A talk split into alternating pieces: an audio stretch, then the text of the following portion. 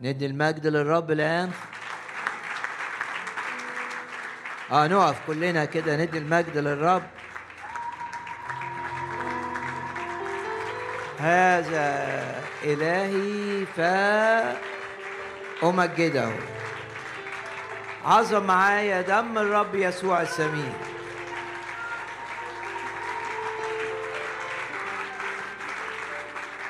ارفع إيدك كده معايا واعلن ثقتك في الرب ثقتك في الدم الثمين وقول جواك كده خطايا مغفورة بالدم مبرر بالدم مقدس بالدم مرعب لإبليس بالدم. في العهد الجديد أتمتع ببركات العهد الجديد لأنني أؤمن بالدم. فيش سحر يأذيني مفيش عرافة تضرني فيش لعنات وراثية عائلية تأتي إلي بسبب إيماني بالدم. عظم دم الرب يسوع الآن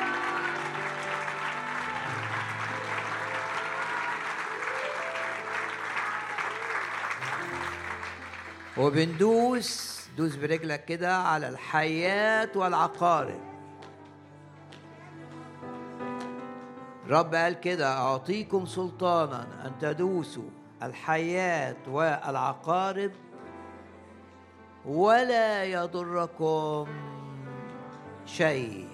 بسبب إيمانك بدم الرب يسوع لك ثقة إنك تدوس على الحياة والعقارب. يعني تنهي ضررها يعني تنهي نشاطها.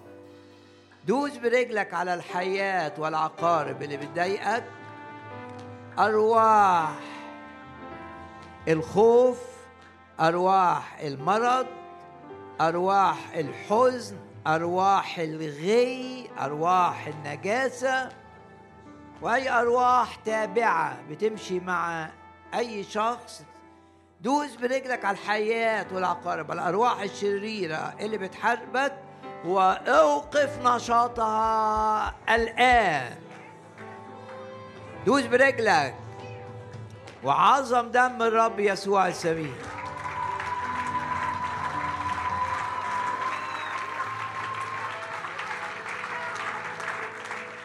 طوبى للشعب العارفين الهتاف. في يوم الكفارة كان يوم الكفارة ده مرة في العام حينما كان ينتهي طقوس يوم الكفارة في العهد القديم كان إيه؟ كانت الأبواق في كل مكان طوبى للشعب. اللي لما بيسمع صوت البوق بيحصل له إيه؟ بيهتف للرب. طوبى للشعب العاري فينا الهتاف. قلبي ولحمي يهتفان. يوم الكفارة بيتكلم عن موت الرب يسوع من أجلنا. هو اللي أعطانا الامتياز. أن نستخدم الأبواق وأن نهتف للرب. اهتف معايا. للملك وقول هللويا هللويا ارعب مملكة إبليس بهتافك للرب وقول هللويا هللويا هللويا يعظم انتصارنا بالذي أحبنا.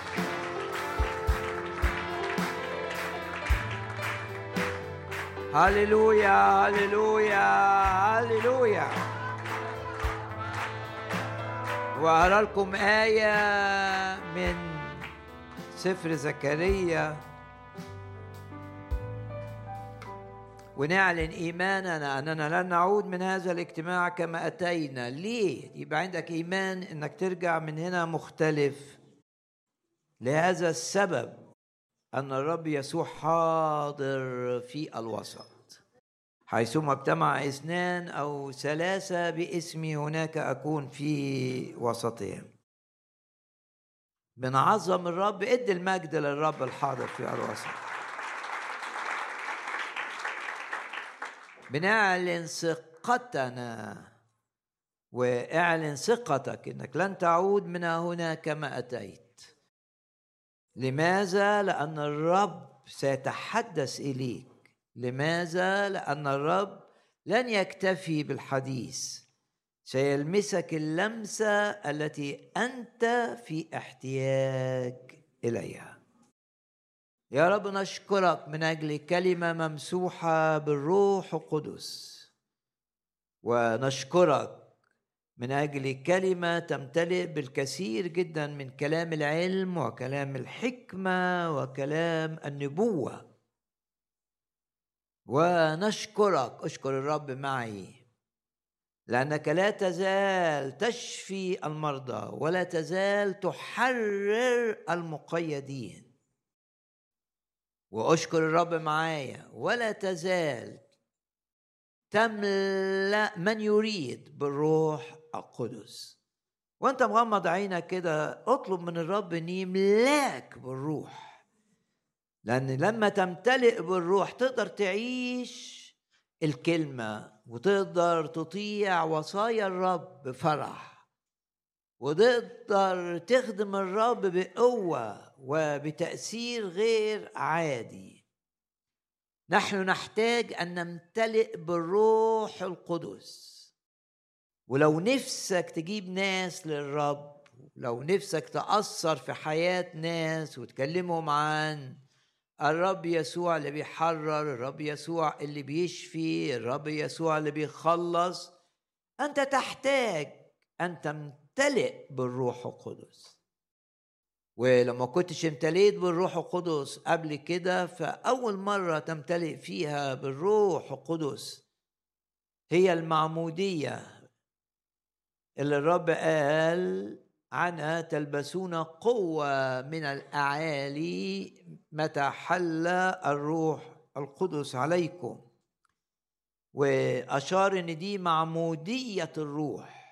أول امتلاء بالروح القدس هو معمودية الروح القدس. وأقرأ لكم آه، بفكركم بكلمات سفر الأعمال أعمال الرسل.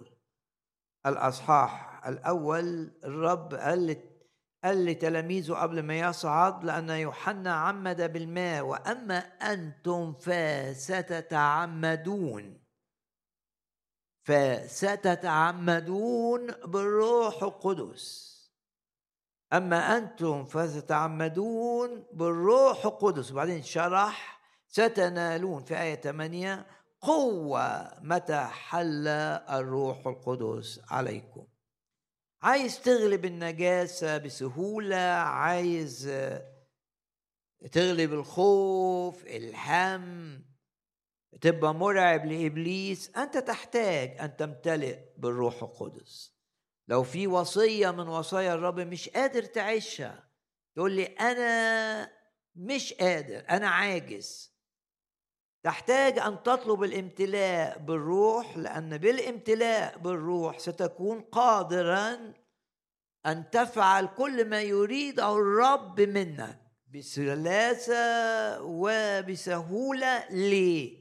عشان الروح القدس ملاك. الملء الأول أول مرة تمتلئ فيها بالروح القدس هي في الكتاب المقدس معموديه الروح القدس. فبشجعك إنك تغمض عينك كده وتقول للرب املاني بالروح ولو لسه ما اتمليتش ولا مرة قول اعمدني بالروح. عايز أخرج من هنا زي ما قال الرب أنال وقد نلت قوة بسبب حلول الروح القدس علي. يا رب عظم عملك معنا بأن تملأنا في هذا الاجتماع بالروح القدس.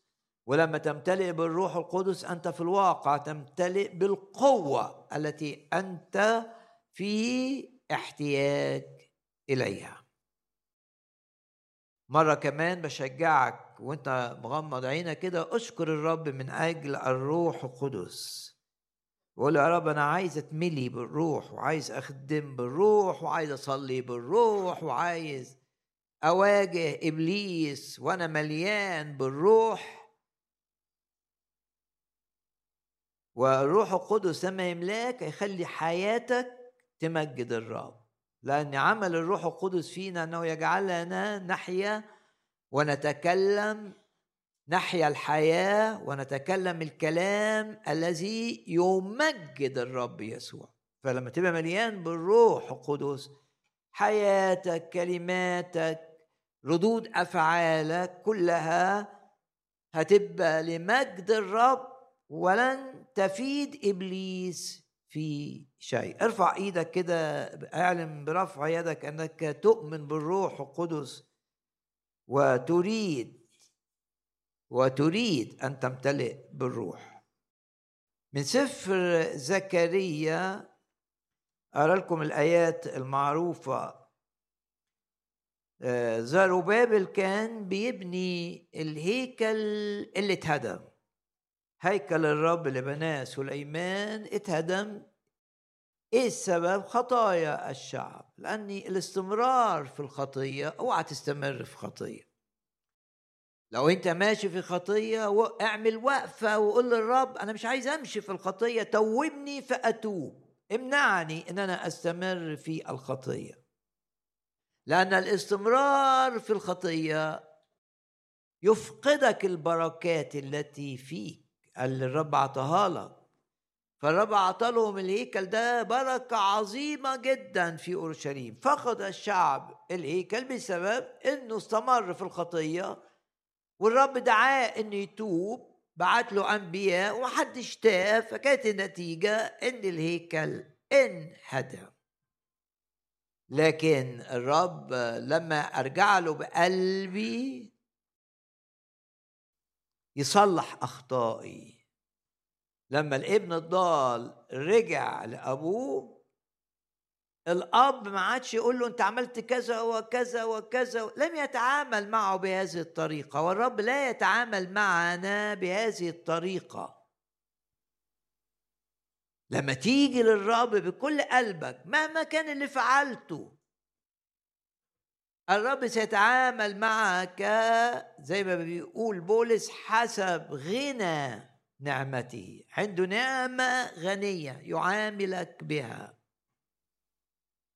لما الابن الضال رجع ليه أبوه بيجري عليه ودائما نشير إلى هذه الملاحظة إن الابن الضال مش هو اللي جري على أبوه. لما الاتنين شافوا بعض واحد في أول الطريق من هنا والآخر في نهاية الطريق الاتنين شافوا بعض. الابن الضال ما يجريش على أبوه لأنه كان مكسوف جدا ومتردد جدا وبيتحارب إن أبوه ما مش هيقبله. إنما الكتاب يقول إن الأب جري ركض إليه. ليه؟ لأن الرب مش عايزك تعيش في نتائج أخطائك. مش عايزك تستمر في أخطائك لكن كمان مش عايزك تعيش في نتائج أخطائك في نتائج خطاياك. لأن أحيانا الخطية بتدمر الصحة أحيانا الخطية بتدمر. البيت العلاقات بين الزوج وزوجة والأب والأولاد أحيانا الخطية بتدمر الشغل الإمكانيات المالية. لكن لما ترجع للرب الرب مش بس يسامحك على أخطائك إنما الرب بنعمة غنية يعالج ما حدث لك بسبب أخطائك. وعشان كده لا نتعجب لأني ما دام فهمنا إن الرب بيتعامل بالنعمة لا نتعجب لما جاله ابنه بعد ما ضيع كل ما يمتلك وجاع وملقيش واتذل لما رجع على طول قال خلوه يلبس أحسن ثياب خلوه يلبس أحسن حذاء حطوا خاتم في إيده واذبحوا العجل العظيم أحسن حاجة عندنا عشان كلنا نفرح بيه وهو يفرح وكأن لا شيء حدث. لازم تبقى واثق إن الرب بيعمل كده. لازم تبقى واثق إن الرب بيرد ما سلب منك بسبب أخطائك. لازم تبقى مصدق كده دي النعمه الغنية. إنك أنت عملت حاجات صعبة ونتائجها صعبة حتى لو كانت أذى للآخرين. لا تنسى إن الرب لما بطرس في باندفاع غير روحي لم يكن مقادا بالروح كان مقادا بالطبيعة البشرية مسك السيف وعمل إيه؟ وأذى ودن واحد من اللي هيقبضوا على الرب. يقول لك قطع أذن كان اسمه ملخص. فالرب عمل إيه؟ شوف أنت يا بطرس اندفاعك هيخلي الراجل ده يموتك والناس اللي حواليه يموتوه. لا لا أنا مش هسيبك. تجني نتائج ما فعلت أنا هصلح اللي عملته. والرب رجع أذن الأذن التي قطعت رجعها الرب كما كانت. يبقى الرب عايز يخلصك من نتائج ما فعلت. لو نتائج أخطائك قراراتك الغلط اندفاعاتك تصرفت بكبرياء تصرفت بحماقة آه عالجت أمور بكذب عالجت أمور دخلت في علاقات جنسية وتعاني من النتائج. ثق ثق في الرب ثق في النعمة ثق في الرب ثق في اللي بيقوله الكتاب أنه يعطيك نعمة أعظم أعظم أعظم مما فعلت ومن نتائج ما فعلت. يعطيك نعمة إيه؟ أعظم. وتثق في غنى النعمة. وتثق أن خطاياي لها نتائج سيئة لكن الرب بالنعمة يعالج هذه النتائج وأنا أؤمن بدم الرب يسوع الثمين الذي يطهر من أي خطية. شجعك تقفل عينك دلوقتي سواء كنت هنا أو في أي مكان تتابع آه، الاجتماع عبر الإنترنت أو بتسمع هذه الكلمة مسجلة. بشجعك إنك تشكر الرب الآن. لماذا؟ في أسباب كتير نشكر بسببها الرب. لكن أشكر الرب دلوقتي إنه بيعالج وهيعالج كمان. مش عالج بس لأن ممكن تكون لسه أنت بتعاني من نتائج أمور بسبب أخطائك أو أخطاء الآخرين. لا ثق في الرب. اشكره. الشكر دائما إحدى نتائج الإيمان إحدى نتائج الثقة في الرب. الشكر. طب تشكر الرب إن بيطلع من أوحش حاجة أحسن حاجة. طب تشكر الرب لأنه بيخرج من الجافي حلاوة. انت بتشكر الرب ان حتى اللي بيعمله إبليس الرب بيستخدمه عشان يطلع منه أحسن حاجة ويكفي أن تقرأ أو تدرس قصة أيوب إن الشيطان عمل عمل عمل لكن الرب تحكم في كل ده علشان يصلح تفكير أيوب وعشان يعوضه عما فقده أضعاف.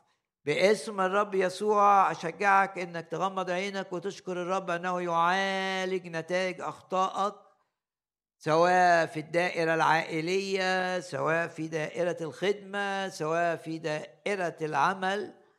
والضمان إيه الضمان؟ لا يوجد في الدنيا ما يضمن بكرة لكن الرب يضمن بكرة. يضمن إن بكرة بالنسبة لك هو أحسن من أي وقت مضى. أشكر الرب ان الهيكل اللي اتهدم بسبب خطايا الشعب لما رجع الشعب للرب زربابل بدأ مقادا بالروح أن يبني هيكل الرب من جديد. يعني اللي فقدوا الشعب في أورشليم رجع بالنعمة. وأغلبكم يعرفون هذه الآية الثمينة التي تقول مجد البيت الأخير ده البيت التعويضي اللي هو بدل البيت البيت انهدم بسبب خطاياه جيت للرب. آه في مراحل بتحصل لكن في النهاية مجد البيت الأخير يبقى أعظم من مجد البيت الذي فقد بسبب خطاياي وأخطائي. فوانت مغمض عينك كده قول له أشكرك يا رب لأنك أنت إله التعويض العظيم. وأنت إله كل نعمة. ارفع إيدك تؤمن بإله كل نعمة. لا يجازيك حسب أخطائك. ولما يقول لك لا ده أنا طرحت خطاياك دي ورا ظهري لا أعود أنظرها قد محوت كغي من ذنوبك وكسحاب خطاياك. وفي المزمور يقول كده كبعد المشرق عن المغرب عمرهم ما يتقابلوا مع بعض يبقى مسافة لا نهائية أبعد عنا خطايانا. أشكرك أيها الرب من أجل الغفران وأشكرك من أجل الدم الثمين طرحت في أعماق البحر حيث الظلام في أعماق البحر. كل ما فعلناه من خطايا لكي لا تنظر إليها ولكي لا تمنع فرحنا. شوف خطاياك بالدم. فين الوقت؟ في أعماق البحر. قولوا أعماق البحر دي دي منطقة مظلمة لأن الضوء ما بيقدرش يوصل لعمق البحر. ففي أعماق البحر خطاياك اترمت هناك لا ينظرها الرب ولا يقدر أحد أن يشتكي عليك بسببها ولا يقدر أحد أن يقول لك أنت عملت كذا وكذا. أنا عندك إجابة. آه عوجت المستقيم لكن الرب بالدم جعلني أبيض كالثلج. أشكر الرب وأنت مغمض عينك من أجل أنه يعالج كل ما حدث الهيكل انهدم بسبب خطاياك. البيت البيت يبنى أعظم من البيت اللي انهدم بسبب مجيئك للرب وثقتك ثقتك أن الرب يعاملك بالنعمة. أشكر الرب معي الآن وممكن تقول زي داود كده ما قال؟ فاض قلبي. يعني قلبي في شكر في امتنان للرب في آه، ثقة في الرب في محبة الرب في حنان الرب في تأييد الرب في قيادة الرب. عشان كده بشكره ويبقى في قلبي. شوف داود يقول فاض قلبي بكلام حلو صالح وهو يتكلم عن الملك الحقيقي ملك الملوك ورب الأرباب. زكريا الأصحاح الرابع. لما زروا بابل بقى خلاص الهيكل ضاع بسبب الخطية هيتبني بسبب النعمة. هللويا. وأي حاجة فقدت منك فقدت سلام فقدت صحة فقدت فرح فقدت فلوس فقدت مجال آه، بسبب أخطائك كنت بتخدم فيه الرب مش صدفة إنك أنت بتسمع هذه الرسالة. أنت وأنت جاي الاجتماع تبقى حاطط في قلبك إن الرب هيكلمك مش واعظ هيكلمك. تبقى حاطط إن الرب هيبعت لك رسالة هيكلمك وهيلمسك. فأنت بص للرب كده وافرح بإنه بيكلمك وبيقول لك كل ما فقدته بسبب أخطائك الرب سيصنع معك اعمالا عظيمة ويعلن بها إنه بيحبك ويعلن بها إنه بيتعامل معاك بحسب النعمة. في زكريا أربعة آه، زروا بابل وهو بقى خلاص الرب بيقوده عشان يبني الهيكل اللي انهدم. ونرفع إيدينا نعلن إن الرب بيقودنا عشان اللي اتهدم في حياتك الروحية يتبني. اعلن إيمانك. يعني أي حاجة حلوة في حياتك اتهدمت. اعلن إيمانك إن اللي قاد زربابل إن يبني اللي انهدم. الرب يقودك. زي ما عمل إيليا كده وهو في مواجهة أنبياء الشيطان أنبياء البعث. يقول لك ورمم المذبح. يعني عمل حاجة رجع المذبح كما كان. ترجع بقى وقت الصلاة كما كان ترجع آه، لو عندك مذبح عائلي كما كان ترجع آه، حضورك الاجتماع. زي ما كنت بتحضر غير تاركين اجتماعنا باسم الرب يسوع. ترجع للخدمة اللي انت سبتها نتيجة كسل ونتيجة انك انت آه، شيطان ضحك عليك. ترجع لما فقدته وقول مش صدفة يا رب إن أنا أسمع عن زربابل إنه بيرجع الحاجة اللي اتخذت والحاجة اللي انهدمت. يا رب نشكرك ونباركك ونعظمك. لأنك بتبني بينا ومن غيرنا أحيانا الرب يستخدمك واحيانا من غير ما تتدخل. تبني يا رب بينا أو بغيرنا كما تشاء أنت. ما هدمته أفكارنا وما هدمه تفكيرنا. الأصحاح الرابع في مواجهة على بناء الهيكل الشيطان مش مبسوط إنك أنت ترجع لحياتك الروحية القوية مش مبسوط إنك أنت ابتديت تحضر الاجتماع اللي كنت سبته من شهور مش مبسوط إنك أنت عايز الخدمة الاجتماع اللي كان في بيتك وقفته هترجعه مش مبسوط الشيطان إنك أنت بترجع تبني اللي اتهدم بينما أنت بترمي اللي بتنهدم بقيادة إلهية وتأييد إلهي لكن إبليس مش مبسوط. مش مبسوط إنك أنت ترجع ترنم وترجع تسبح وترجع آه تخدم في مدارس الأحد اللي سبتها. مش مبسوط. فيبتدي بقى يعمل إيه؟ يحجمك وهنا بقى كانت الرسالة إلى زروبابل.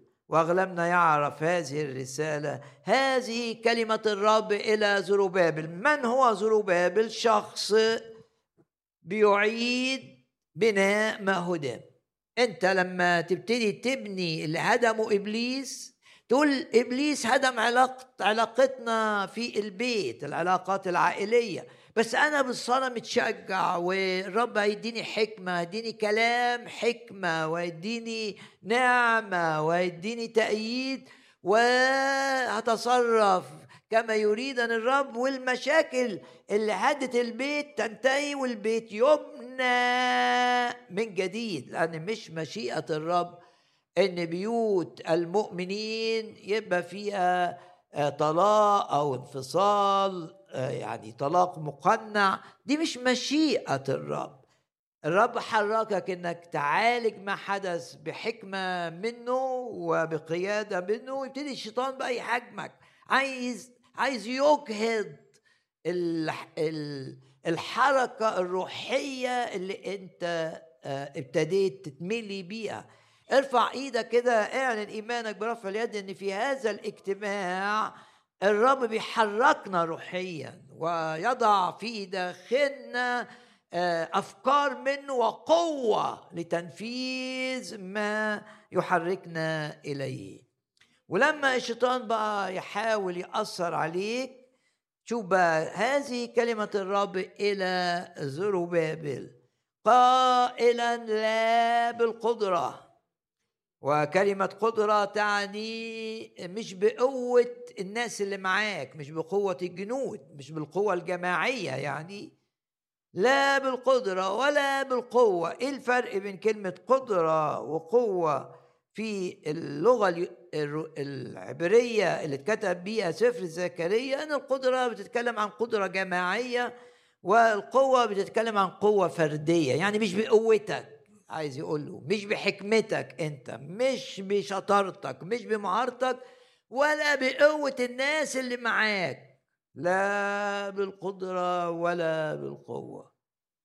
بل بروحي قال رب الجنود لو هتواجه أي حاجة بقوتك انت لو هتواجه أي حاجة بقوة ناس معاك إبليس سيغلبك. ليه؟ لأنه أكبر من كل ده. إنما لو هتواجه كل حاجة ضدك بالروح القدس سيعظم انتصارك. مش بس هتنتصر لأن الرب مش عايزنا ننتصر انتصار عادي على الشر. الرب عايزنا ننتصر انتصار غير عادي. ارفع إيدك كده اعلن إنك أنت واثق. إنك بالرب هتنتصر انتصار غير عادي. إيه الحاجة اللي ضدك؟ إيه الحاجة اللي بتحاول تأذيك؟ إيه الحاجة اللي بتحاول تاخد منك الحماس الروحي الفرح السلام؟ إيه الحاجة اللي ضدك؟ اعلن إيمانك. إنك بالرب تنتصر على هذه الأمور ومش انتصار عادي لأن الكلمة تقول والكلمة صادقة. أكيد الكلمة لا تكذب. كلمة صادقة لما قالت يعظم انتصارنا.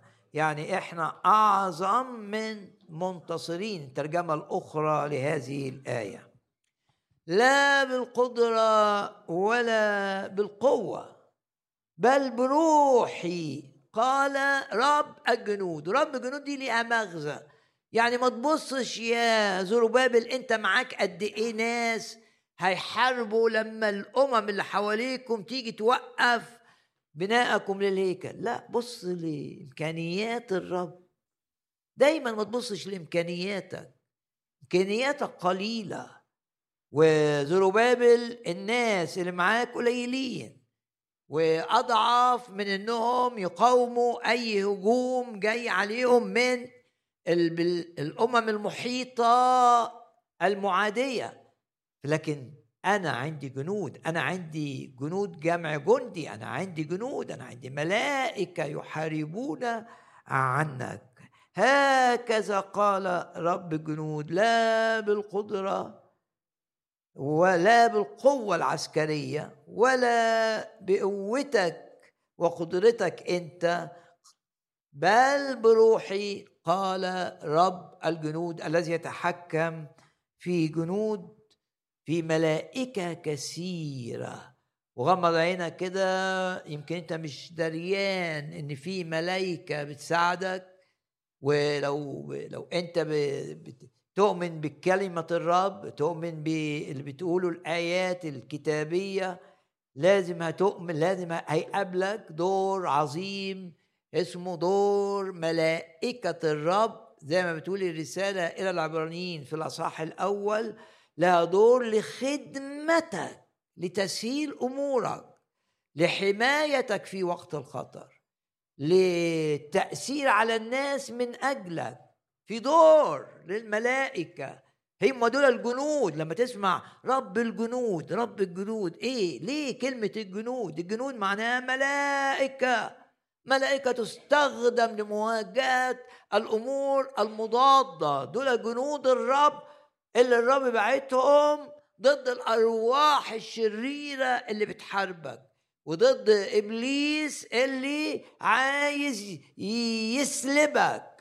دي ملائكة لازم تؤمن بما تقوله كلمة الرب.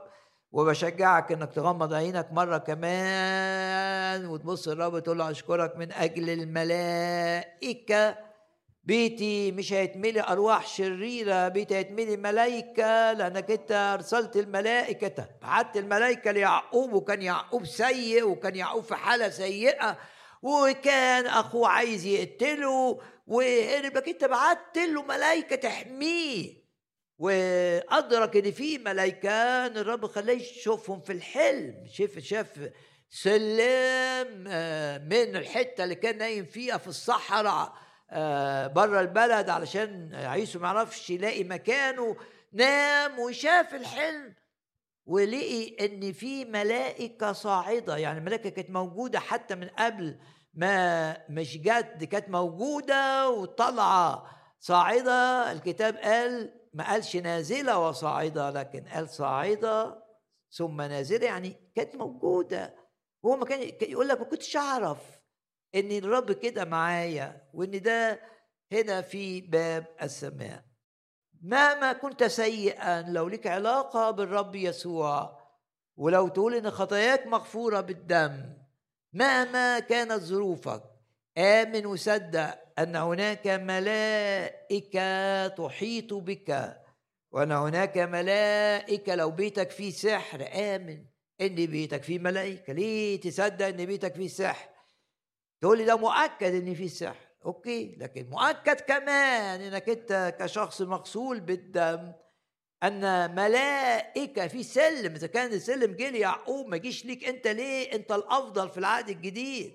في سلم هتلاقي الملائكة نازلة من السماء وصاعدة تطرد الأرواح الشريرة وتجعلك لو الأرواح بتزعجك في نومك تنام مستريح. في ملائكة حواليك ملاك الرب حال يعني موجود حول خائفيه و ينجيهم ده رب الجنود. كلمة الجنود يعني الملائكة لا بالقدرة ولا بالقوة. بل بروحي قال رب الجنود. قدامه تحدي ضخم حرب مضادة شرسة عشان ما يبنيش الهيكل. ناس ليهم علاقة بالإمبراطور المتحكم في العالم آه الإمبراطور الفارسي لهم علاقات كلهم تكاتفوا كلهم اتحدوا علشان اللي اتهدم يظل مهدوم. إبليس عايز الحاجة الخطية تستمر عايز أذى الخطية يستمر عايز العبودية للخطية تستمر. لكن أنت مع الرب تقول لا مش مشيئة الرب اطلاقا إن أنا أستمر حزين مش مشيئة الرب اطلاقا. إن أنا أبقى في علاقة عاطفية تستنزفني وليست من الرب. مش مشيئة الرب اطلاقا. إن أنا أبقى مستعبد للسجاير أو لأي نوع من الأدمان. مش مشيئة الرب اطلاقا. إن أنا أبقى مستعبد للهم والغم والتشاؤم. دي مش مشيئة الرب. دي مشيئة إبليس وأنا بالرب يعظم انتصاري على إبليس مش مشيئة الرب إنك أنت ما تنامش مرتاح لأنه مكتوب يعطي حبيبه نوما والنوم الذي يعطيه الرب نوم يتسم بإيه؟ بالسلام بالراحة بتجديد الطاقة تبقى بتنام مرهق تقوم صاحي منتعش تبقى نايم آه، آه، بطريقة آه، مؤذية تصحى. آه آمن إن الرب آمن إن الكلمة تشتغل فيك. آمن صدق كلمة الرب أن الرب يزورك ويعظم العمل معك. بل بروحي قال رب الجنود. بنغمض عينينا مرة كمان ونشكر الرب من أجل الملائكة التي تحيط بنا في نومنا وفي يقظتنا اشكر الرب من أجل الملائكة اللي بتسهل أمورك. اشكر الرب من أجل الملائكة اللي بتروح معاك الشغل عشان توقف الشكايات اللي ضدك والأمور تتحرك وأنت مش شايفها ومش عارفها. اشكر الرب أن هناك جنود للرب يرسلهم لخدمتك.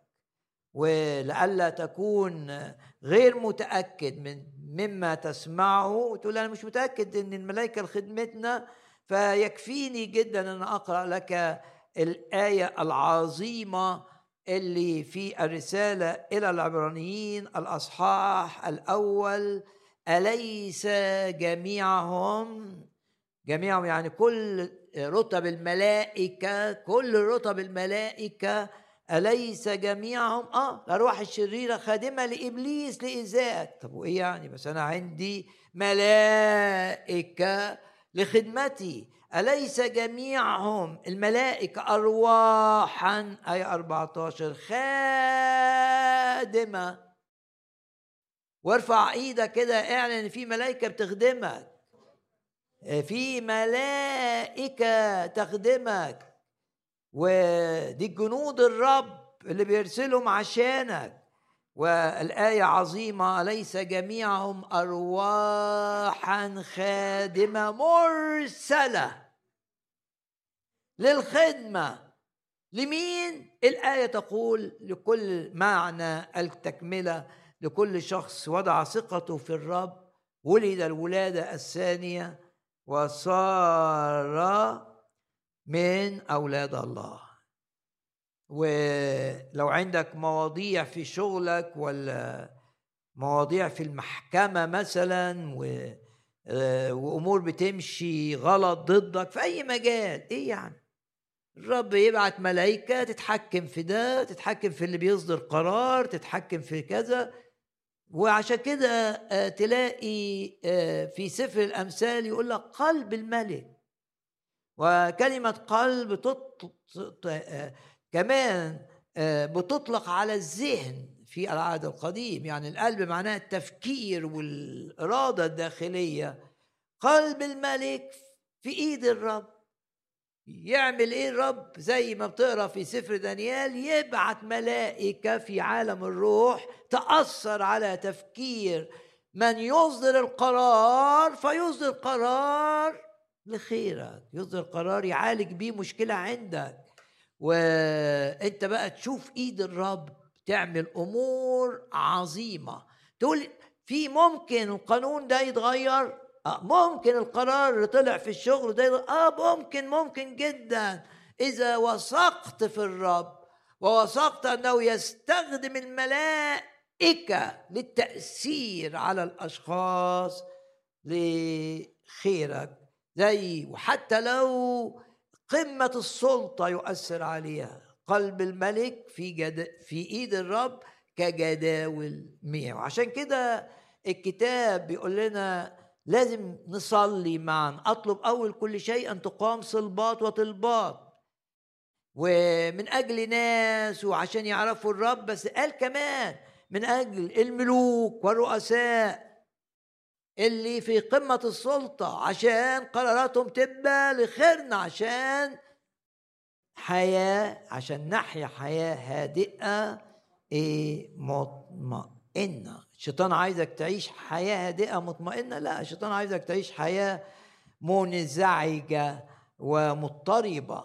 لكن الإجابة في كلمة الرب آمن أن الرب يستخدم الملائكة للتأثير على كل من هم في منصب وكل من في يدهم قرارات تخصك. تبقى شايف مين؟ لو انت في المحكمة شايف الرب بيتحكم في القاضي من أجلك يبعت ملائكة عشان الأمور تسير كما يريدها الرب لخيرك ولارتفاعك وتكون في الارتفاع فقط ولا تكون في الانحطاط. نكمل اللي قالوا آه، سفر زكريا إن لا بالقدرة بعدد الناس اللي معاك والمعارف والوسايط. لا بالقدرة ولا بالقوة ولا بشطارتك ولا بخبرتك ولا بذكائك. كل هذه الأمور ممكن تخذلك. تبقى عندك خبرة 30 سنة ويجي لك مشكلة بسيطة كده تلاقي خبرتك مش نافعة. ويحصل لك كده إنك كأنك نسيت كل حاجة. قد يحدث هذا؟ لأنك اتكلت على نفسك. أوعى تتكل على قدراتك. اتكل على إمكانيات الرب التي يستخدمها لخيرك ولفائدتك لكي تكون في الارتفاع فقط. لا بالقدرة ولا بالقوة. بل بروحي قال رب الجنود. في جبل قدامي. من أنت أيها الجبل العظيم؟ أمام دي كلمة جاية لزربابل. وزربابل يمثلك لو أنت جاد في إنك اللي عمله إبليس. هاد تبنيه. لو أنت جاد في علاقتك مع الرب باسم الرب يسوع. تاخد قوة بالروح القدس وتبقى جاد في علاقتك مع الرب. عايز تصلي عايز تسبح عايز تخدم. مش بتيجي الاجتماع كده لأنهم ضغطوا عليك. مش بتيجي تخدم لأن آه، لأنهم لو ما جيتش هيقعدوا يقولوا لك ليه ما جيتش. لا أنت جاي كده وجواك حرارة روحية باسم الرب يسوع. لا نحرم من حرارة الروح. لازم نصدق إن النار الروح القدس تشعل القلب وتدي غيرة لخدمة الرب وغيرة لبناء ما هدمه إبليس. ويبقى عندك حماس لقراية الكلمة وحماس للخدمة باسم الرب يسوع. كنش متدينين ما كنش ناس اتعودنا نحضر اجتماعات. إنما بنيجي هنا نتملي وتذكر كده الأواني الفاضية اللي الأرملة جابتها وصبت الزيت القليل واتملت الأواني كلها بالزيت. فإحنا أواني باسم الرب يسوع في كل اجتماع هنا نمتلئ بالزيت وننور لأننا نريد أن نخدم الرب ونريد أن تكون حياتنا لمجد الرب. نفسي كل واحد يسأل نفسه السؤال ده. هل حياتك بتمجد الرب؟ بتعمل بتخدم الرب بقلبك؟ هل خدمة الرب قبل شغلك وقبل تفكيرك؟ هل انت بتحب يسوع اللي مات عشانك ودايما بتصلي؟ يا رب اشعلني بالروح واديني إن أنا أبقى حار بالروح والبرودة اللي جوايا دي اقتلها والفطور مشيه باسم الرب يسوع. نكون مشتعلين بالروح القدس. لا بالقدرة ولا بالقوة بل بروحي قال رب الجنود. من أنت أيها الجبل العظيم؟ أمام زروبابل مين زروبابل كل شخص عايز يبني اللي هدمه إبليس. كل شخص واقف ضد العدو. كل شخص عايز يمجد الرب في حياته. يبقى هو هنا زروبابل ويقول إله زروبابل هو إلهي. من أنت أيها الجبل العظيم؟ أمام ذرو بابل تصير سهلا. نعم أي حاجة ضد القداسة واقفة ضد إنك تعيش في القداسة جبل عظيم بيخليك ذكريات مواقف دخلت فيها في الطفولة بتحاربك. من أنت أيها الجبل العظيم؟ أمام زربابل تصير سهلا. أنا بقرأ الجزء ده علشان أوصل للجزء اللي هقراه دلوقتي. والجزء ده يقول لك فيخرج حجر الزاوية. فيخرج حجر الزاوية دي معناها إيه؟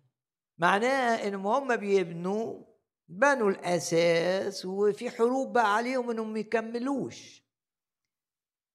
إنما الكلمات اللي الرب بعتها بتقول له أنت بديت وبديت تبني اللي اتهدم هتكمل ال... هتكمل. لأن حجر الزاوية ده كان آخر حجر. ده غير الحجر بتاع اللي بيتحط في الأساس. ده حجر يكتمل به البناء. أول ما يجيبوه لأنه آه ليه مواصفات خاصة فبيحطوه كده. أول ما يجي دوره معناه إن إن إنه كمل البنى والهيكل بيكتمل خلاص. فيقول الكتاب يخرج حجر الزاوية الجزء التالي بقى أنا قريت الجزء ده لأن كنت بتكلم عن الهتاف. بين الهاتفين له. بيهتفوا بيقولوا إيه؟ كرامة كرامة لهذا الحجر والحجر ده بيرمز للرب يسوع بكل تأكيد. لكن كرامة مجد مجد للرب الذي بدأ معي وسيكمل معي. يقول كده يخرج حجر الزاوية هيطلع يجيبوه عشان يكمل البنى. في حجر اتحط في الأساس وده كان بعد فترة وقف البنى بعدين رجع تاني. هنا بقى خلاص وعد إنك أنت هيكتمل وهيكتمل بالرب وهيكتمل العمل. وأنت بديت مشروع مع الرب هيكتمل. وانت بديتي وانت بديتي خدمة مع الرب هتكتمل. لازم نثق أن الذي بدأ فيكم عملا صالحا هو يكمل. ام هما بيحطوا الحجر ده في بقى هتاف. مجدوا فيه الرب. يقول لك هي وده كانش لسه حصل. ده كلمات نبوية. ودي كلمات نبوية جاية لكل شخص بيسمعني. الحاجة اللي بديتها مع الرب سوف لا تفقدها سوف تكتمل باسم الرب يسوع. سوف تكتمل وانت شايفها بتكتمل هتبقى بتهتف للرب وتقول كرامة مجد مجد مجد للرب. هللويا! ونهتف مرة كمان. لأن في حجر زاوية يكمل وتكتمل به ما قادك الرب أن تفعله. في حاجة هتحصل. فعشان كده اهتف للرب معايا يقول لك بين الهاتفين. قول هاليلويا هاليلويا هاليلويا وتأكيدا كانت إلي كلمة الرب زكريا بيقول أن يدي زربابل قد أسست هذا البيت فيداه تتممانه. واعلن امسك في الآية دي إن الرب خلاك تبدأ خدمة في مكان مش هتسيب المكان ده إلا لما الرب اللي كان عايزه يحصل يحصل تماما. يعني إبليس مش هيقدر يعطل استخدام الرب لك. نرفع ايدينا نعلن ثقتنا. أن إبليس بكل قوته بكل الناس اللي بيستخدمهم لا يستطيع لا يستطيع أن يمنعنا أن نكمل ما بدأ الرب عمله بنا. والآية جميلة. أن يدي زربابل قد أسست هذا البيت فيداه. يداه تتممانه. ندي المجد للرب.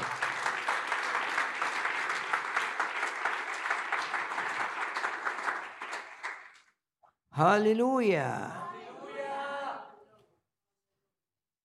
وأشجعك ببعض الكلمات من إنجيل لوقا. يبقى أي حاجة بقى آه إبليس نجح إن يدها تتبني ويكتمل بناءها. بإيه؟ بقوة الروح القدس. لا بالقدرة ولا بالقوة بل بروحي قال رب أجنب. الرب يهتم بالحيوانات والطيور. حاجات الأقل مننا. ده تشجيع إن الرب بيهتم بينا. إنجيل لوقا أصحاح 18 أصحاح 12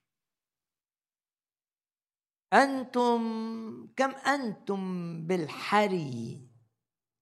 أفضل من الطيور.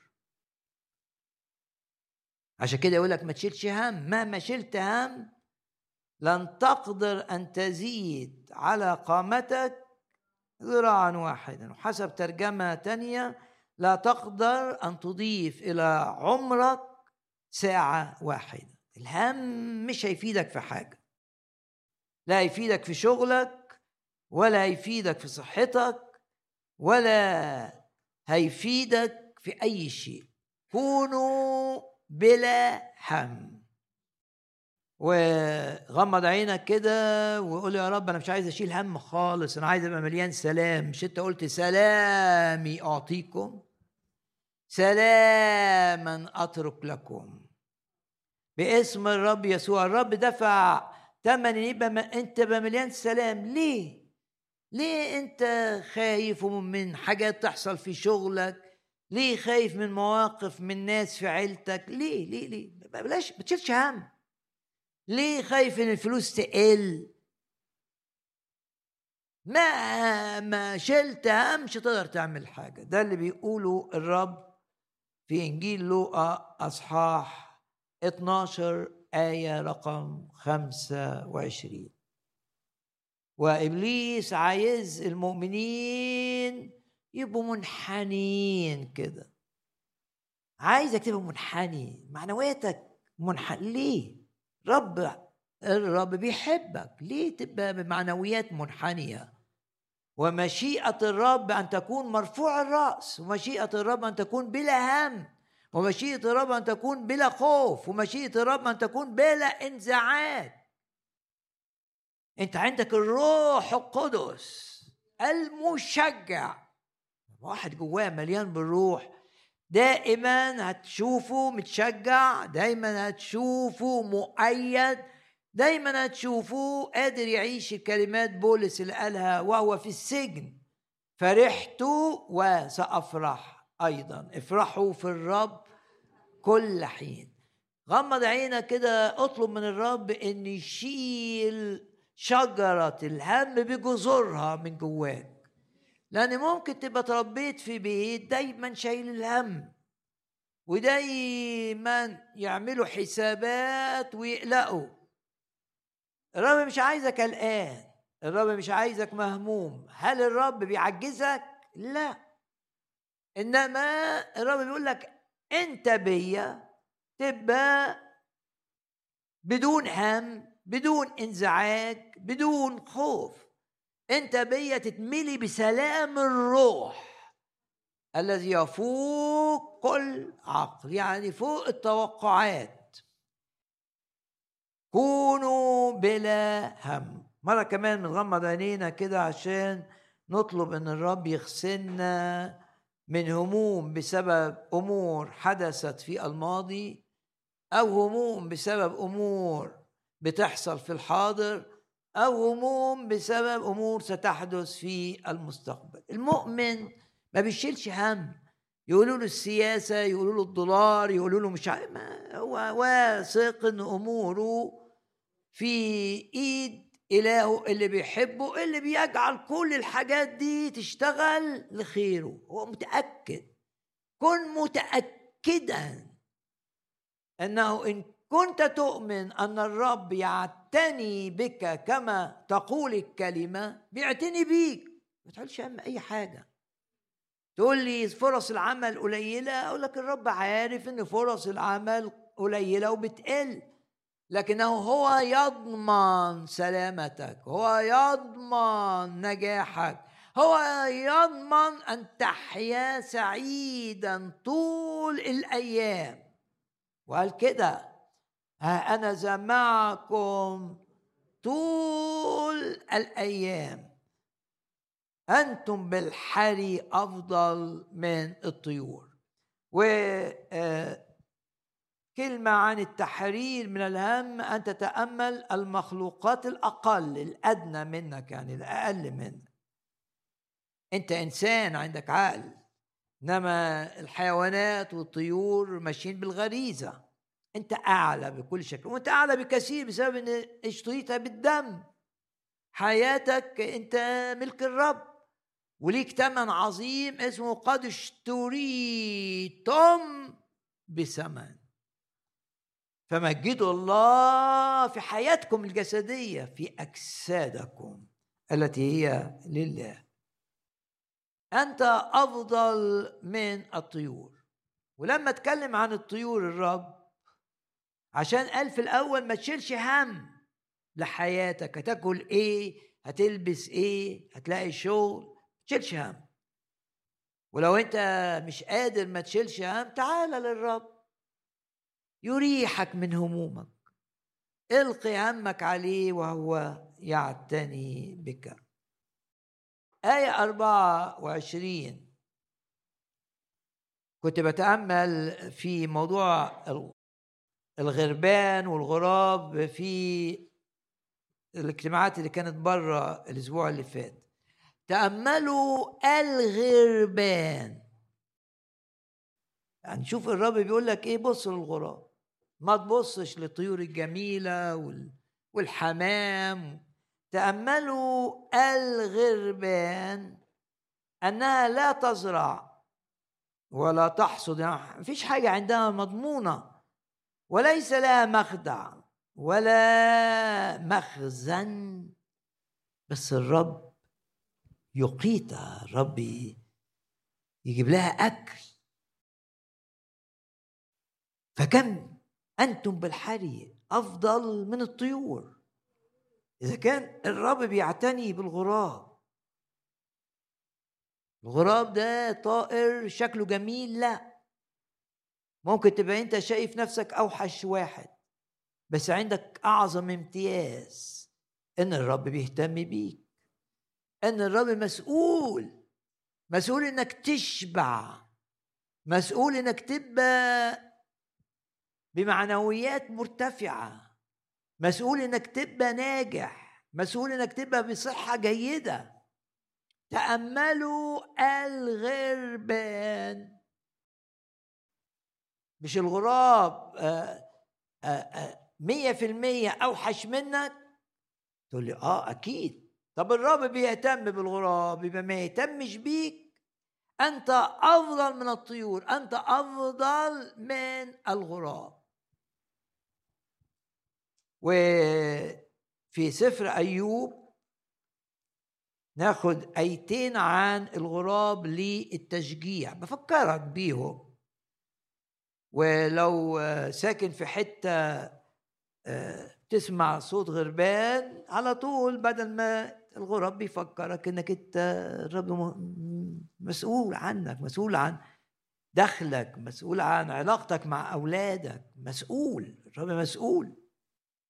إذا كان بيهتم بالغراب اللي لا يعرف يزرع ولا يحصد ولا عنده مكان ولا عنده مخزن يبقى انت لو ما عندكش اي حاجة تطمنك بعقلك اطمئن بالكلمة انك انت افضل من الطيور. والذي يهتم بالغراب يهتم بك. وشوف معايا كده آيتين آية من سفر أيوب وآية من سفر المزامير. رب شغلني بإني ناس كتير شايلة هم. يهم عشان حاجات في الماضي حصلت يهم عشان حاجات في الحاضر يهم عشان كمان بمخه مشغول باللي جاي. رب يقول لك ليه أنت مشغول ببكرة؟ ليه؟ الرب هينساك بكرة زي ما النهارده بيعمل كل حاجة لخيرك. بكرة كمان هيجعل كل الأشياء تعمل معا. لخيرك وخير بيتك وخير أولادك. سفر أيوب من الأصحاحات الأخيرة لهذا السفر وأصحاح 38 هو كام أصحاح؟ هو 42 أصحاح. في آخر أصحاح 38 بيقول الرب لأيوب أنا كمان بهتم بأولاد الأشبال أولاد اللبوة أولاد الأسد لأنها ممكن ما يبقاش في حاجة ياكلوها أحيانا. الأشبال جاعت مش الكتاب يقول كده؟ واحتاجت. بس أنا بهتم بيها. لما تبقى آه، قاعدة في عرينة وتطلع صوت كده من الجوع. وتجلس في عصية عصية يعني غابة أو شجر كده وسط الشجر كامنة. يعني لما تبقى كده منكمش على نفسك وشيء الرب إذا كان بيحس بابن الأسد مش هيحس بيك أنت أفضل. وبعدين واحد يقول ده أصل ده الرب بيهتم بالأسود. لا على طول الرب كان بيكلم أيوب وعايز يطمنه بيقول له أنا مهتم مش ههتم بيك أنت مش هقدر أعالج كل اللي حصل معاك. عايز يرفع معنوياته زي ما هو عايز يرفع معنوياتك. أنت اللي بتسمعني. الرب حي. ولازم تختبر إن الرب تروح له حزين يطلعك فرحان يقول لك في آية مهمة قوي أقرأها لك وهرجع لأيوب بس الروح دايما يقود إلى آيات معينة.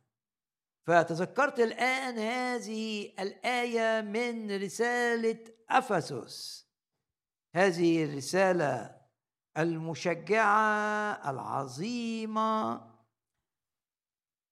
وفي الأصحاح الأول يقول لك ما هي عظمة؟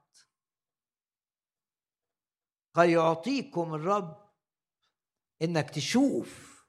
شوف إيه؟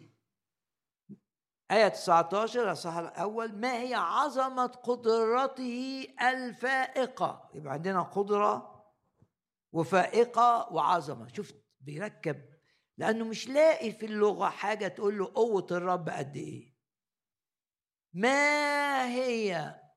يمكن أنت اختبرت قوة الرب الصغيرة بس الرب عايزك وبيوعدك إنك كل شوية تنمو وتشوف قوة الرب بتكبر معاك. ما هي عظمة قدرته الفائقة نحونا نحن المؤمنين؟ بعدين الروح القدس كده بيزق بولس وهو بيكتب الرسالة دي وهو في السجن. عشان يأكد أكتر يقول حسب عمل شدة قوته. يبقى عنده قدرة وعنده قوة وعنده عظمة فائقة وعنده شدة قوة. ما هي عظمة قدرته الفائقة نحونا نحن المؤمنين؟ حسب عمل شدة قوته. الذي عمله في المسيح إذ أقامه من الأموات مش بس قام وأصعده إلى السماء الإنسانية اللي خدها وأجلسه عن يمينه في السماويات. إذا القوة بتاعتك هي القوة اللي أقامت الرب. أقامت الجسد بتاع الرب. هذه القوة هي ليك بكل تأكيد. قوة تنقلك من الحزن الشديد إلى الفرح الشديد. قوة تنقلك من الهم المستمر إلى السلام الدائم. قوة قوة تنقلك دي القوة اللي أقامت جسد الرب. أنا اللي بقول كده لا أفسس. القوة دي ليك. تنقلك من واحد مدمن مخدرات لواحد بيعلم الناس إنهم يجوا للرب عشان يتحرروا من الإدمان. قوه قوه غير عادية. قوه تخلي واحد عبد للزنا والنجاسة يعيش بقداسة والعالم اللي حوله كله أصحابه اللي بيضغطوا عليه عشان يرجع للخطية ولا يرجع. ده عنده قوة أقامت يسوع تخليه يجيبهم للرب. قوة حسب عمل شدة قوته الذي عمله في المسيح إذ أقامه. من الأموات. بنرفع ايدينا نعلن إن قوة القيامة قيامة الرب لينا عشان تنقلنا من حالة إلى حالة زي جسد الرب من حالة موت إلى حالة قيامة وصعود إلى السماء. وأعود إلى آه، أيوب ماذا قال عن أجبال الجسد؟ إن الرب مهتم بيها وان الرب لما بتبقى عندها أنين مش لاقي أكل يرسل لها ما تأكله وبعدين عشان ما حدش يقول الرب بيهتم بالأسود اللي هي لما الرب أيضا يهتم بالغراب في أيوب نكمل. الرب هو بيقول لأيوب بيقول له أنا ههتم بيك إذا كنت. من يهيئ في آية 41 الأول اتكلم عن الأشبال التي يعطيها الرب أن تشبع. ويخلي أم الأسد الصغير ده تلاقي فريسة. هنا آية 41 من يهيئ للغراب صيده. يعني بيخلي الغراب يلاقي أكل. ليه؟ استنعب فراخه إلى الله. يعني بعد ما اتكلم عن أشبال الأسد إن بيخلي أمه تلاقي أكل عشانه اتكلم عن فراخ الغراب الصغيرين يخلي أبوه أو أمه تلاقي أكل عشانه. يقول لك استنعب تنعب فراخه. الكلمة في العربي يعني بتهز راسها كده آه، متألمة الفراخ الصغيرة بتاعت الغراب ما فيش أكل. أم الرب يخلي أم الغراب أو أبو الغراب يلاقي أكل علشان صغار الغراب تاكل وتشبع. استنعب فراخه إلى الله وتبقى متحيرة كده وتتردد لأن مفيش أكل. باسم الرب يسوع. أنت أفضل من الغراب. أنت أفضل من الطيور. أنت الرب هيسدد احتياجاتك ويخلي ممكن لو أنت صغير يستخدم عيلتك أو لو أنت كبير يستخدمك عشان أولادك. إذا كان الرب مهتم بالصغيرين. بقول لكل ام مهتميه باولادها الرب يهتم بيكي ويديكي صحة عشان الصغيرين ويديكي حكمة في التعامل معاهم وعشان ما يطلعوش بعقد نفسية. بس ده لمين؟ للشخص اللي بيصدق الكلمة. انت أنتم أفضل من الطيور. وأرى الآية من يهيئ للغراب صيده عشان أولاده ما يموتوش. استنعب يعني بيحس الرب بالألم بتاع الغراب الصغير اللي ما فيش أكل استنعب فراقه إلى الله وتتردد لعدم القوة. وأقرأ كمان عن الغربان يبقى الغربان في العهد الجديد لقى 12 وفي سفر أيوب أصحاح 38 وآية 41 من يهيئ؟ مين اللي بيخلي الغراب يلاقي أكل عشان أولاده الرب. ومين يخليك أنت كأم آه، قادرة إنك تربي أولادك وتعلميهم وتطلعيهم في الإيمان؟ الرب. لا بالقدرة ولا بالقوة بل بروحي قال رب الجنود في سفر المزامير مزمور 104 شغلت أيضا في المؤتمرات الماضية اللي في الخارج بآيات من هذا المزمور. أحب أن أنا أشارك أشارككم بها لأنها فيها حديث عن الغربان. يا رب نشكرك ونعظمك ونباركك. تصنع معنا أكثر جدا مما نطلب أو نفتكر. ما أعظم أعمالك يا رب؟ دي حكاية 34 كلها بحكمة كلها بحكمة إيه؟ صنعت. افرح لهذه الآيات افرح بهذه الآية. وبعدين أغني للرب في حياتي وأرنم لإلهي ما دمت موجودا فيلذ له نشيدي وأنا أفرح بالرب. بنبص لهذا المزمور العظيم. ويقول لك الشجر بيشبع آه، تشبع أشجار الرب آية 16 تشبع أشجار الرب. ليه سماها أشجار الرب؟ لأني شايف إن الرب هو اللي ورى الإنسان اللي زرع الشجرة دي. فبيت الشجرة دي من شجر الرب. ارفع إيدك اعلن الآية دي ليك وإنك أنت شجرة من شجر الرب. هتثمر لمجد الرب والرب هيشبعك. يشبع بالخير عمرك فيتجدد مثل النسر شبابك. سفر المزامير مزمور 147 أجيب الرب بحمد. أيا كان ما يحدث جاوب الرب بالحمد والشكر.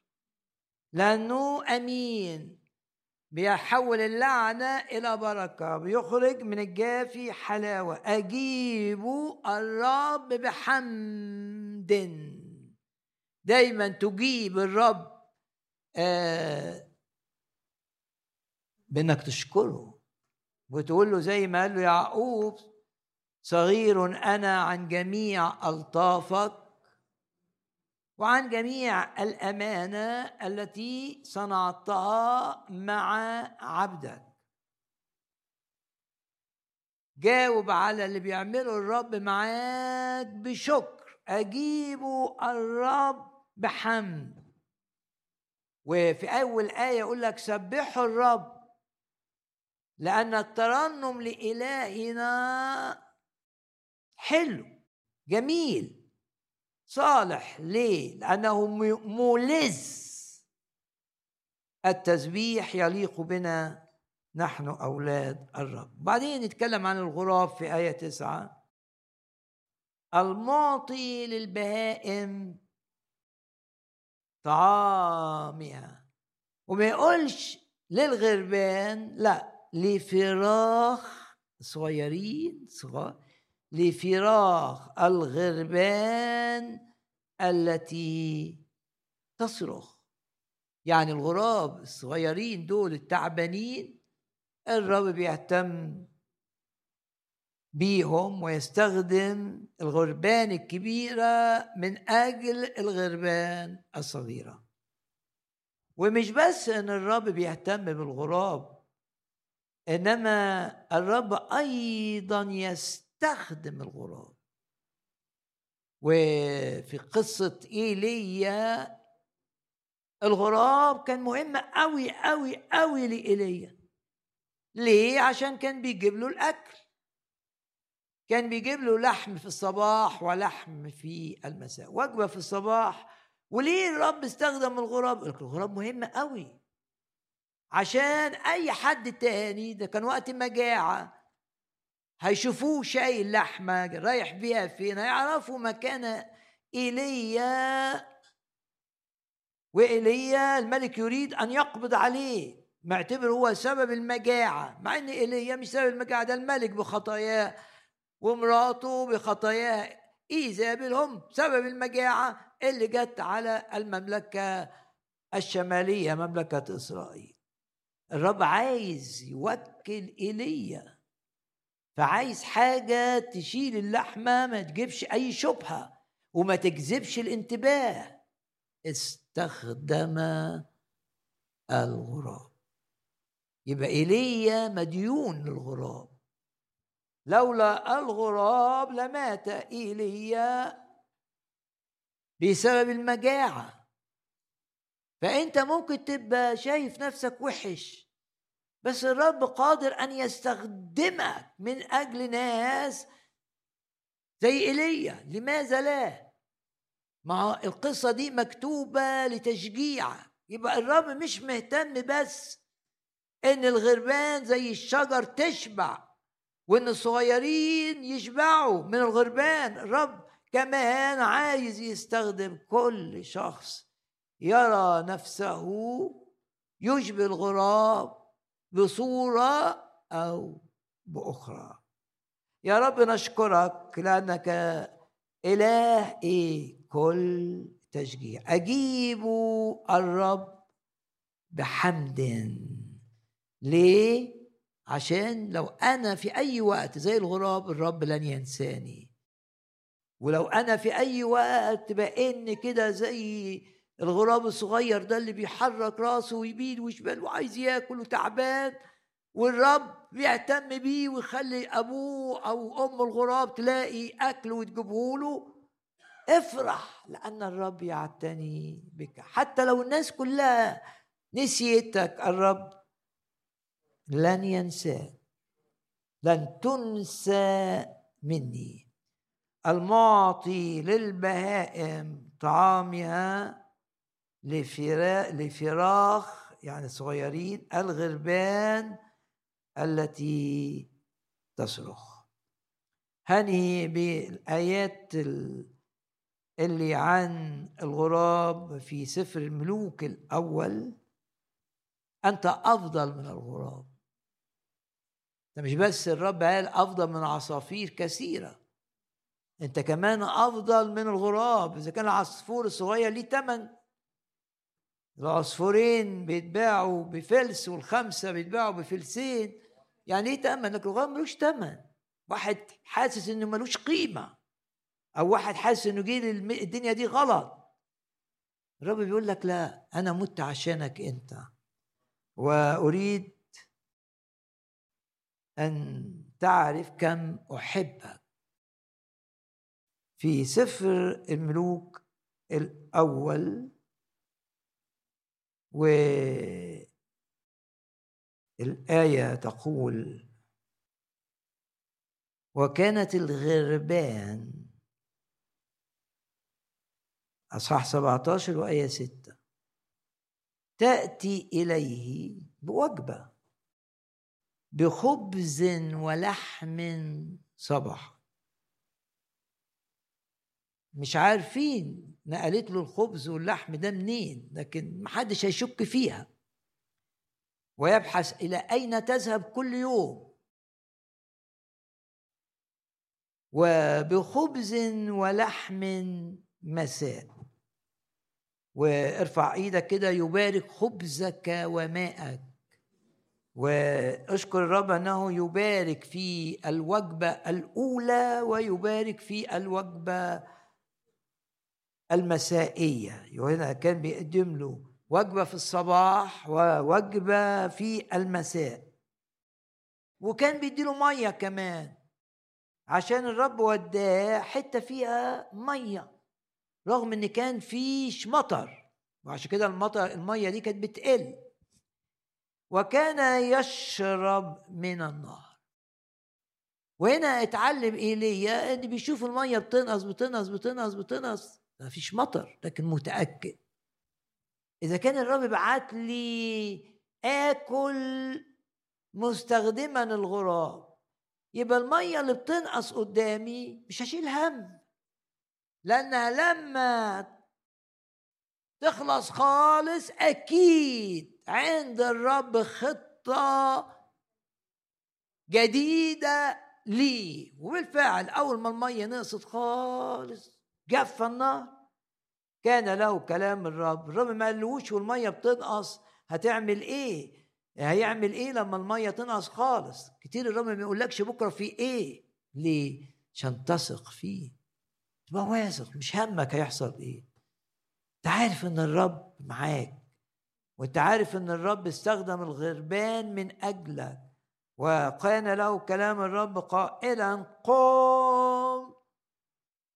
ما قالوش والمية لسه فيها كوباية. لا عايز إيليا يؤمن إن لما النهر يبقى فيهوش ولا نقطة مية يقول لك كده أن النهر يبس.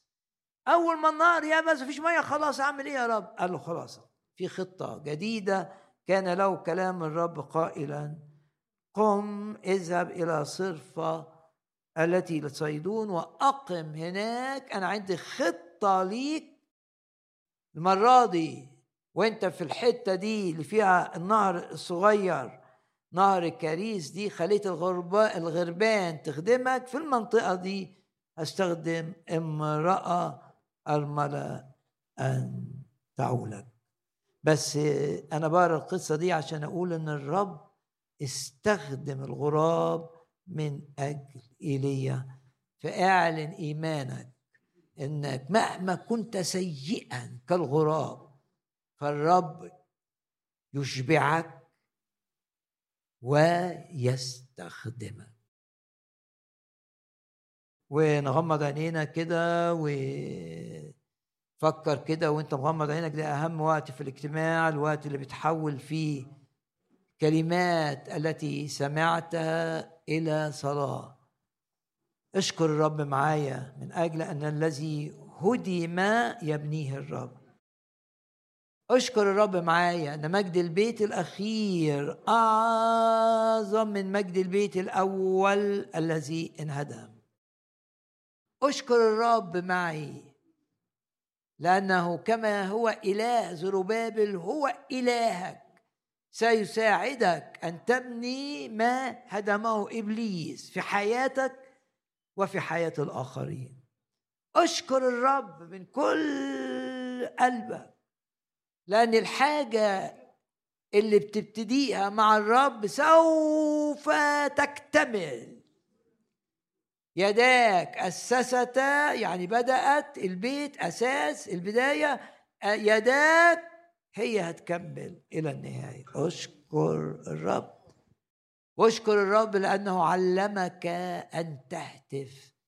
ولما تشوف الرب بيكمل عمله معاك تفرح وتقول مجد كرامة كرامة للرب. اشكر الرب من أجل كلمات رسالة أفسس إن القوة اللي قومت جسد الرب من الموت هي لك. عشان تعمل تحرير عظيم زي انت مقيد عشان تعمل شفاء عظيم لو انت مريض عشان تعمل حماية عظيمة لو انت مهدد. قوة. اشكر الرب معي لأنه بيقول لك جاوب على أي حاجة بالشكر والحمد. أجيبه بإيه؟ بحمد. يا رب أعمالك عظيمة جدا. ملقانه الأرض من غناك. يعني تشوف في الأرض أمور عظيمة مشجعة. تشوف إنك أنت أفضل من الطيور. شوف إنك أنت أفضل من العصافير. ولو عايز تدرس موضوع أفضل هتشوف نفسك أفضل من الخروف اللي وقع. لأن لما الخروف وقع كانوا يشيلوه حتى لو كان اليوم يوم السبت. يا رب نشكرك ونباركك ونعظمك. وافتكر الحديث عن الروح القدس معمودية الروح الامتلاء بالروح القدس. مكتوب ولما صلوا امتلأ الجميع بالروح القدس. تبقى مليان؟ خلاص هتلاقي نفسك مليان سلام سلام الروح. مليان حكمة حكمة الروح. مليان فرح فرح الروح. مليان قوة قوة الروح. تحتاج أن تمتلئ بالروح القدس. ودايما بشجعكم أني لازم تبقى موجود في اجتماع صلاة في طلب الامتلاء بالروح. تبقى جاي الاجتماع عايز تتملي في الاجتماع. مش جاي تسبح وترنم بس. جاي عايز تتملي بالروح القدس.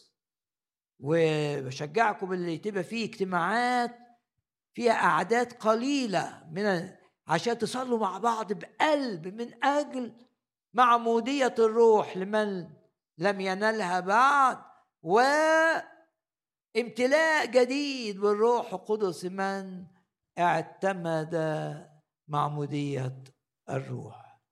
والآية تقول ولما صلوا امتلأ الجميع بالروح القدس. لو بتعاني في شغلك ومتأثر وتعبان لو اتمليت بالروح مش هتبقى كده. تبقى دايما مرفوع الرأس وتبقى زي داود كده وراح يقابل جلياط آه، ودائما سيعظم انتصارك. نقف جميعا في محضر الرب الآن. املانا بالروح باسم الرب يسوع. روح القوة روح الحكمة روح الفهم روح مخافة الرب. تتأيدوا بقوة من الأعالي. متى حل الروح القدس عليكم وتكونون لي شهودا. لا للهم لا للقلق لا للخوف لا للمرض. في هذه جميعا يعظم انتصارنا بالذي أحبنا.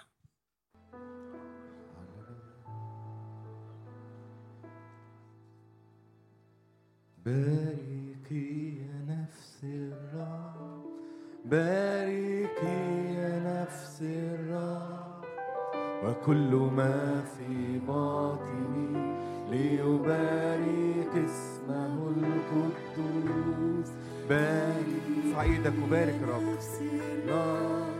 باركي يا نفس الرب وكل ما في باطني ليبارك اسمه. باركي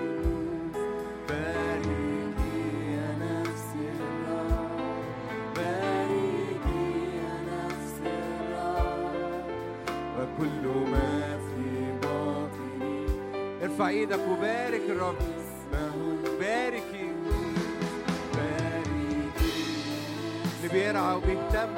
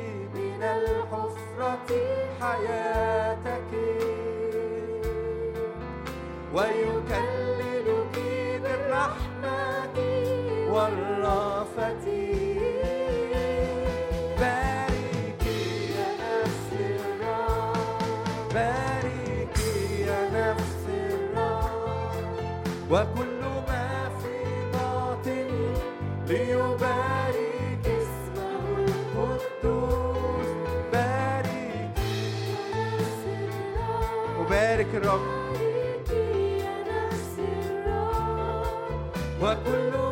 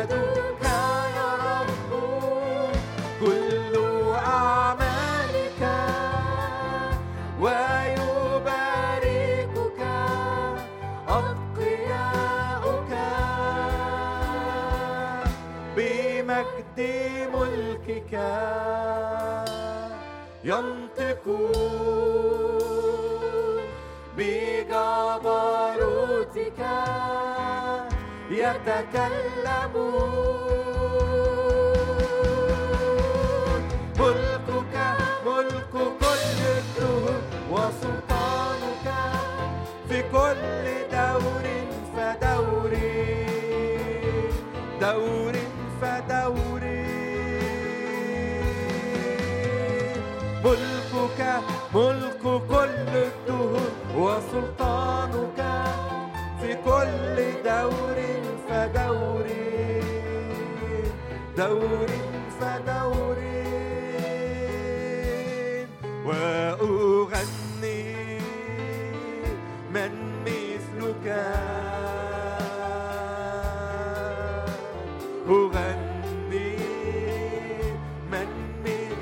مجدك وبارك يا رب من مثلك يا رب.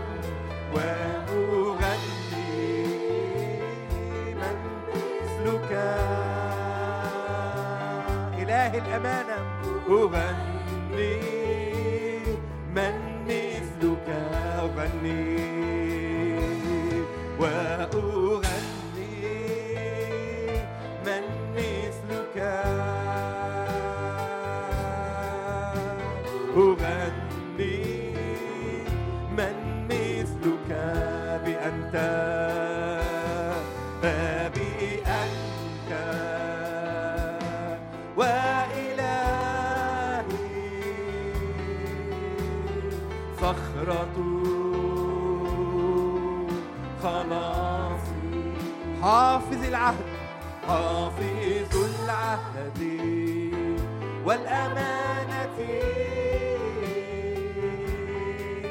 لا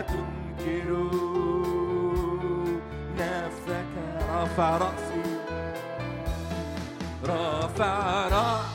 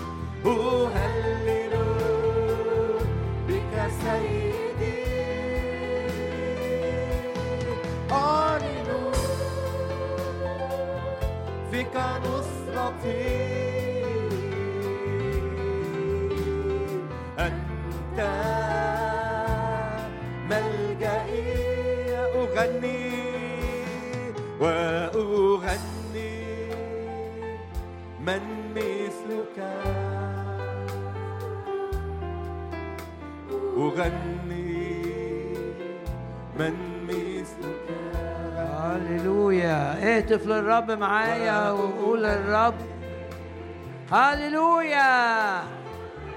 هللويا هللويا هللويا. هللويا. هللويا. ولما هتف الشعب سقط السور في مكانه. بنشكر الرب من أجل الروح القدس روح القوة. ونشكر الرب من أجل الملائكة التي يرسلها دائما إلينا. أجيب بحمد. وجاوب اعمال الرب. واهتف معايا مرة كمان لملك الملوك رب الأرباب. وقول هللويا. هللويا. هللويا. واشكر الرب من أجل قوة الدم الثمين وعظم الدم الآن.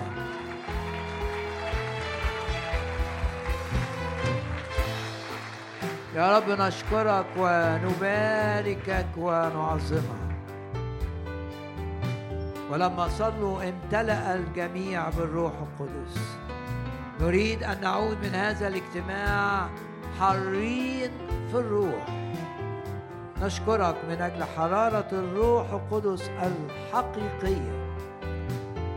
ونشكرك لأنك تغلق كل أبواب الخداع وكل أبواب الأذى وكل أبواب السلب وتفتح أبواب التعويض وأبواب النجاح وأبواب ارفع إيدك بقى أبواب الثمر الكثير المئة ضعف. يا رب أنت استخدمت الغراب من أجل إيليا من أجل استمرار الكلمة. يا رب تستخدمنا بقوة غير عادية من أجل استمرار تأثير الكلمة في النفوس. نعظمك ونباركك ونشكرك. تسير أمامنا الهضاب تمهد.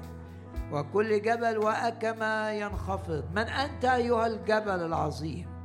أمامنا باسم الرب يسوع تتحول إلى سهل من عائق ضخم إلى طريق عظيم. يا رب أشكرك وأباركك وأعظمك. تعمل معنا أكثر جدا مما نطلب وأكثر جدا مما نفتكر. تحرر من كل هم تحرر من كل خوف تحرر من كل انزعاج وتؤيدنا بالروح القدس في الإنسان الباطن. من مثلنا؟ شعب منصور بالرب. يا رب أشكرك لأنك تجدد كالنسر شبابنا. ونشكرك لأنك تكمل عدد أيامنا. وأشكرك لأنك تفتح الأبواب أبواب التعويض أبواب الثمر الكثير ولا يستطيع أحد أن يغلقها. يا رب أشكرك لأنك تتحكم في كل الذين هم في منصب. من أجل سلامتنا ومن أجل أن نحيا حياة هادئة مطمئنة تجعلنا نخدمك بحرية. يا رب الأبواب اللي قفلها إبليس تجاه أي خادم هنا تفتح ولا يستطيع أحد لا يستطيع أحد أن يغلقها تسدد كل الاحتياجات بحسب غناك في المجد ارفع إيدك اعلن انك انت محمي بالدم السمين.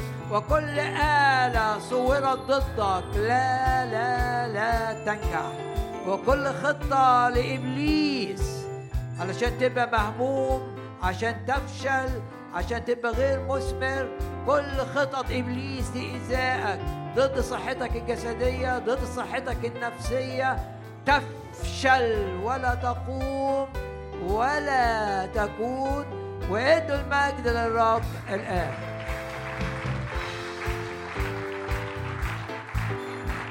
هللويا رايات النصر هللويا غنوا بمجد الإله.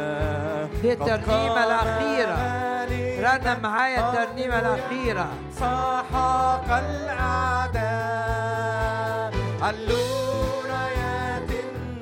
هللويا غنوا بمجد الإله قد قام غالبا هللويا سحق الأعداء علو علو رايات النصر هللويا غنوا مجد الفداء يسوع برنا هللويا